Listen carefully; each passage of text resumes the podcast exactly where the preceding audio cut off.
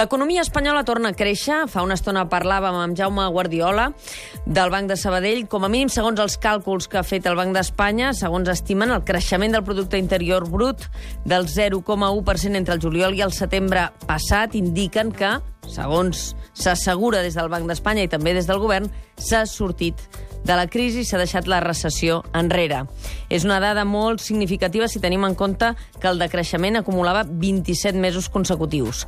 Aquesta xifra allunyaria Espanya de la crisi i dirien que ja havíem tocat fons i, per tant, comencem a remuntar. Però hi ha raons reals per l'optimisme. Li volem fer aquesta pregunta a Xavier Salamartín, professor d'Economia de la Universitat de Colúmbia, amb qui ens trobem cada 15 dies per fer l'informe. Bon dia. Hola, bon dia, com anem? Bé, molt bé. Aquesta setmana passada, que no havíem parlat, eh, les informacions que ens arribaven del Banc d'Espanya i també del govern és eh, tenim indicadors que diuen que la crisi comença a quedar enrere. Què diu Sala Martín? A veure, el, en comparació fa un any, eh, mm. recordeu que fa un any hi havia una gran possibilitat de catàstrofe, eh, mm. la, la Grècia podia sortir de l'euro, després s'obria la porta perquè sortís Itàlia i Espanya, les primes de risc estaven eh, a nivells estratosfèrics, el qual feia que el deute espanyol fos inviable, etc etc. Relatiu a aquell escenari catastròfic, eh, eh, estem millor. Eh? Um, relatiu a la situació de que el PIB, és a dir, la quantitat de coses sí. que es produeixen dins l'economia, anava reculant, reculant, reculant, reculant, ha deixat de recular. Uh, sembla que el, el consum ha deixat de caure, sembla que la inversió, si, de, si deixem davant de la construcció, uh, comença a pujar, uh, sembla que el sector exterior, és a dir, les exportacions, les empreses uh, comencen, a, o no, estan exportant, han, han, han aconseguit eliminar el dèficit de, de exterior que tenia el conjunt de l'economia espanyola, que era molt, molt, molt gran, era, era el segon més gran del món. Uh, per tant, la caiguda sembla que s'ha aturat, però clar, la pregunta no una és... Una cosa és la caiguda i una altra cosa és la remuntada, no? Exacte, si ens quedem, si caus a baix del precipici i et quedes a baix per sempre més, doncs malament, perquè estem a nivells de, de, de renda, de riquesa de, de l'any 2004-2005, i clar, no quedar-se aturat allà doncs és una catàstrofe, tenim una taxa d'atur brutal i quedar-se eh, aturat és una catàstrofe, i està per veure si aquest, un cop t'atures, doncs hi haurà un rebot i tot tornes a pujar als nivells originals mm. o simplement et quedes a baix. En la L, ha... el que en dieu eh, els, els mestres, en dieu la L sostinguda, no?, d'això? És a dir, quan, quan, quan no remuntes. Hi ha casos d'economies que, que no han remuntat i que, per tant, no hi ha hagut creixement i no, no han recuperat els índexs de riquesa que tenien abans? Sí, i de fet les economies que més s'assemblen a l'economia espanyola pel tipus de crisi que han patit, és a dir, crisis immobiliàries o crisis d'explosions de, de, de bombolles financeres, eh, un, dos exemples serien un Amèrica Llatina als anys 80, que van mm. tenir el que ells mateixos anomenen la dècada perduda, que és una exageració, perquè no va ser una dècada, sinó que van ser 23 anys, i, i el Japó 1990, que va entrar en crisi el 1990 i encara no n'ha sortit 23 anys després.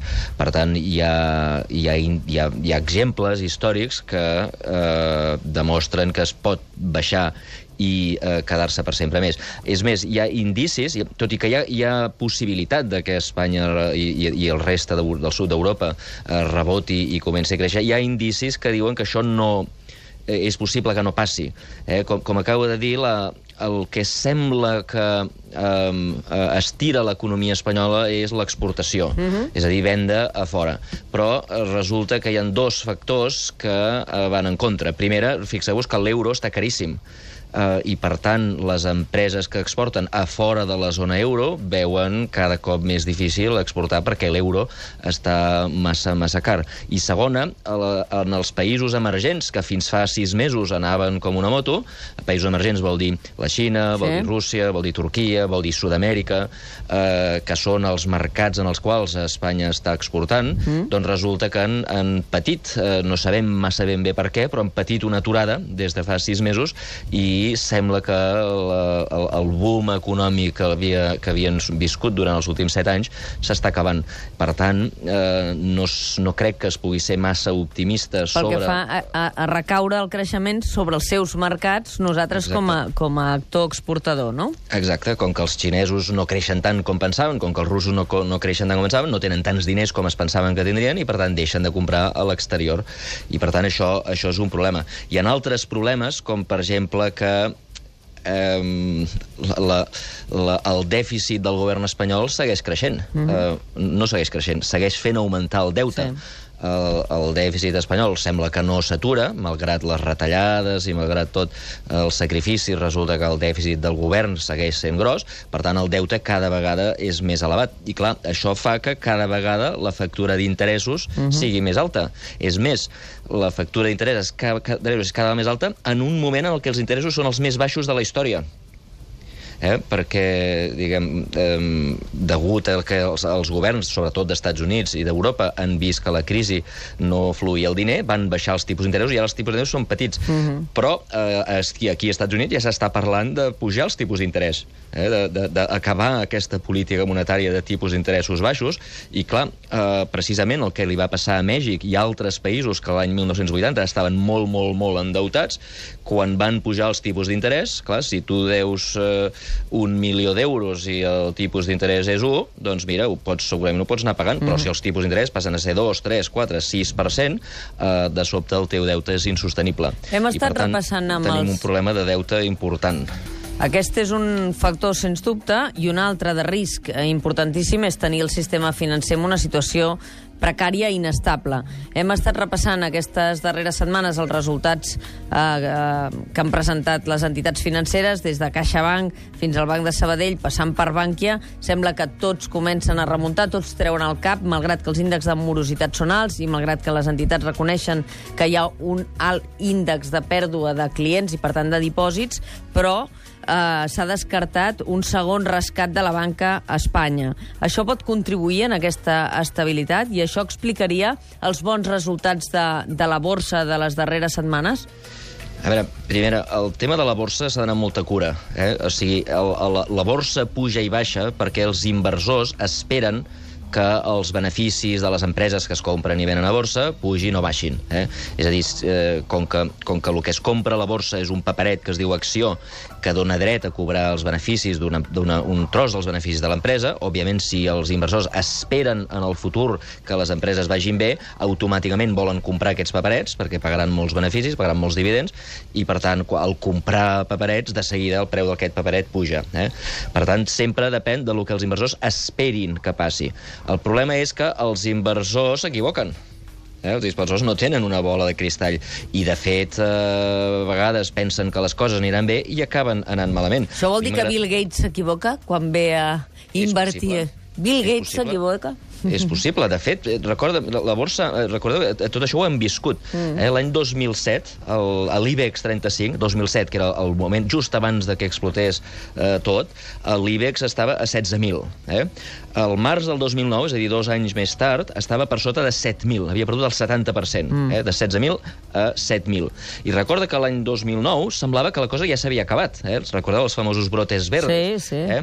I el 2010 ja havia passat de 7.000 a 12.000, és a dir, havia pujat gairebé un 50%. Vale? I, per tant, dius, ostres, eh, aquests inversors van veure que la crisi s'acabava eh, i van fer pujar la borsa entre, durant el 2009 fins a principis del 2010. I tots sabem que aquesta pujada de la borsa, que tothom ja veia com el gran indicador de que la crisi s'havia acabat, va ser una fantasia i la borsa i l'economia i la taxa d'atur, tot, tot, tot va caure en picat, es va, es va caure, es va, va entrar la segona part de la crisi, molt més forta que la primera, uh -huh. una clatellada que va venir des del 2013 i del qual ara sembla que s'ha sortit. Per tant, eh, els economistes diem que la, la, és veritat que la, la, la borsa prediu el final de la crisi, el que passa és que uh, últimament ha predit uh, les, la sortida, ha, ha predit sis vegades la, les últimes tres sortides de la crisi. És a dir, moltes vegades se, els inversors s'animen sense motius i després, uns mesos més tard, ens adonem que això és una, és una fantasia. I entre aquests inversors, òbviament, hi ha el Bill Gates, que no, no té cap mena de bola de cristall, igual que la resta de nosaltres. Diu perquè sí passa- coincidit, ha coincidit les declaracions d'Emilio Botín del Banc de Santander dient que arribava el capital i que havíem entrat en una etapa de confiança. El dia, el dia següent va ser quan Bill Gates va anunciar la seva entrada a CESA, no? Sí, sí, sí, però també, a veure, el, el tema de Bill Gates s'ha de, de tenir en compte una altra cosa, és que la caiguda del valor de la, totes les coses a Espanya, eh, no només accions, sinó també edificis, eh, vivendes, etc, maquinària, tot tipus d'actius, eh, la caiguda ha sigut tan bèstia, tan bèstia, que és possible que ara hi hagin coses a preu de saldo.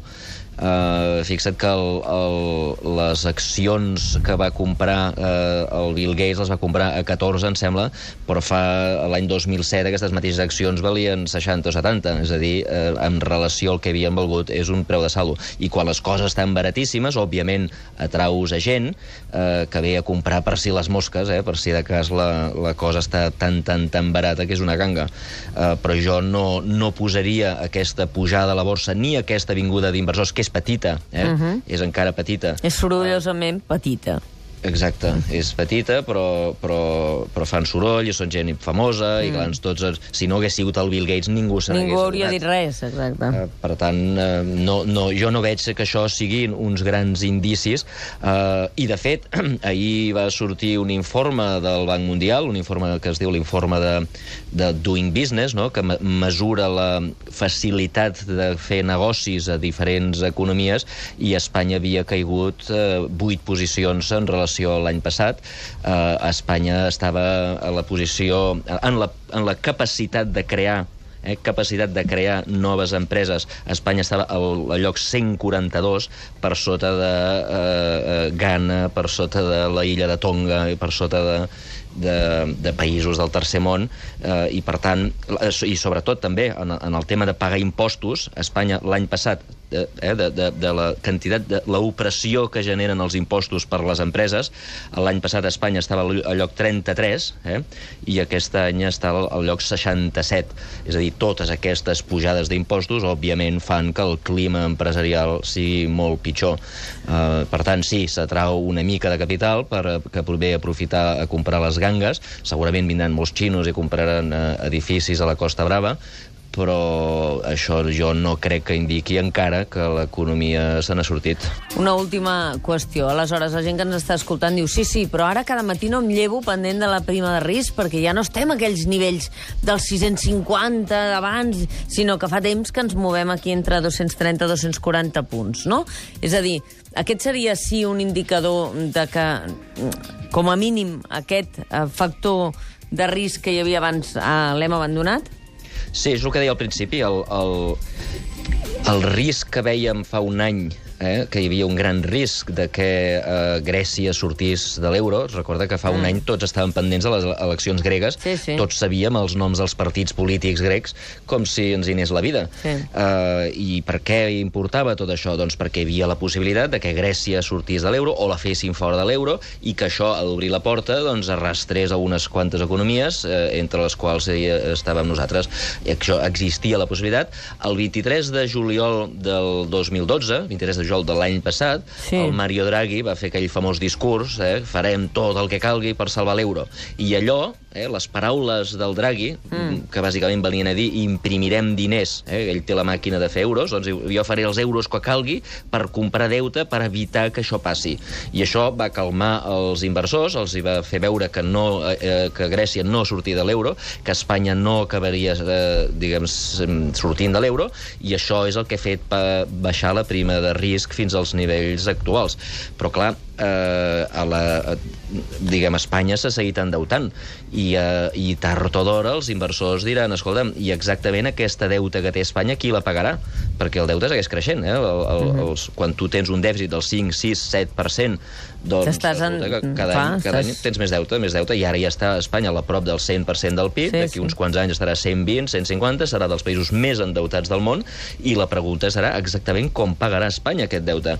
És veritat que el Banc Central li prestarà diners, seran els alemanys els qui pagaran, o Espanya acabarà sent com Grècia i haurà de eh, demanar als seus creditors, escolteu, no us puc pagar tot, només us pago el 80%, eh, no ho sabem, no sabem si hi haurà quitances, eh, jo Aquesta- crec que el deute aquesta és espanyol una- és molt insostenible. Eh? Jo crec que el deute és una- espanyol no el podran pagar i per tant alguna cosa hauran de fer, no ara, eh, però d'aquí uns anys, eh, aquí uns anys el deute espanyol algú haurà de pagar, perquè si acusen els espanyols a impostos, doncs passarà el que estem veient ara amb el doing business, que les empreses eh, diuen en aquest país no s'hi pot invertir perquè et maten impostos, i per tant eh, jo no veig, no veig que Espanya s'hagi sortit d'una situació complicada. Sí que s'ha acabat la, diguem, el perill de desintegració de l'euro, això sí que ho sabem, però d'aquí a sortir del forat em sembla que queda una mica. Aquesta qüestió del deute, si li sembla, professor, el proper dia que parlem, d'aquí 15 dies, en parlem de, de les quitances i dels països endeutats al 100% del PIB,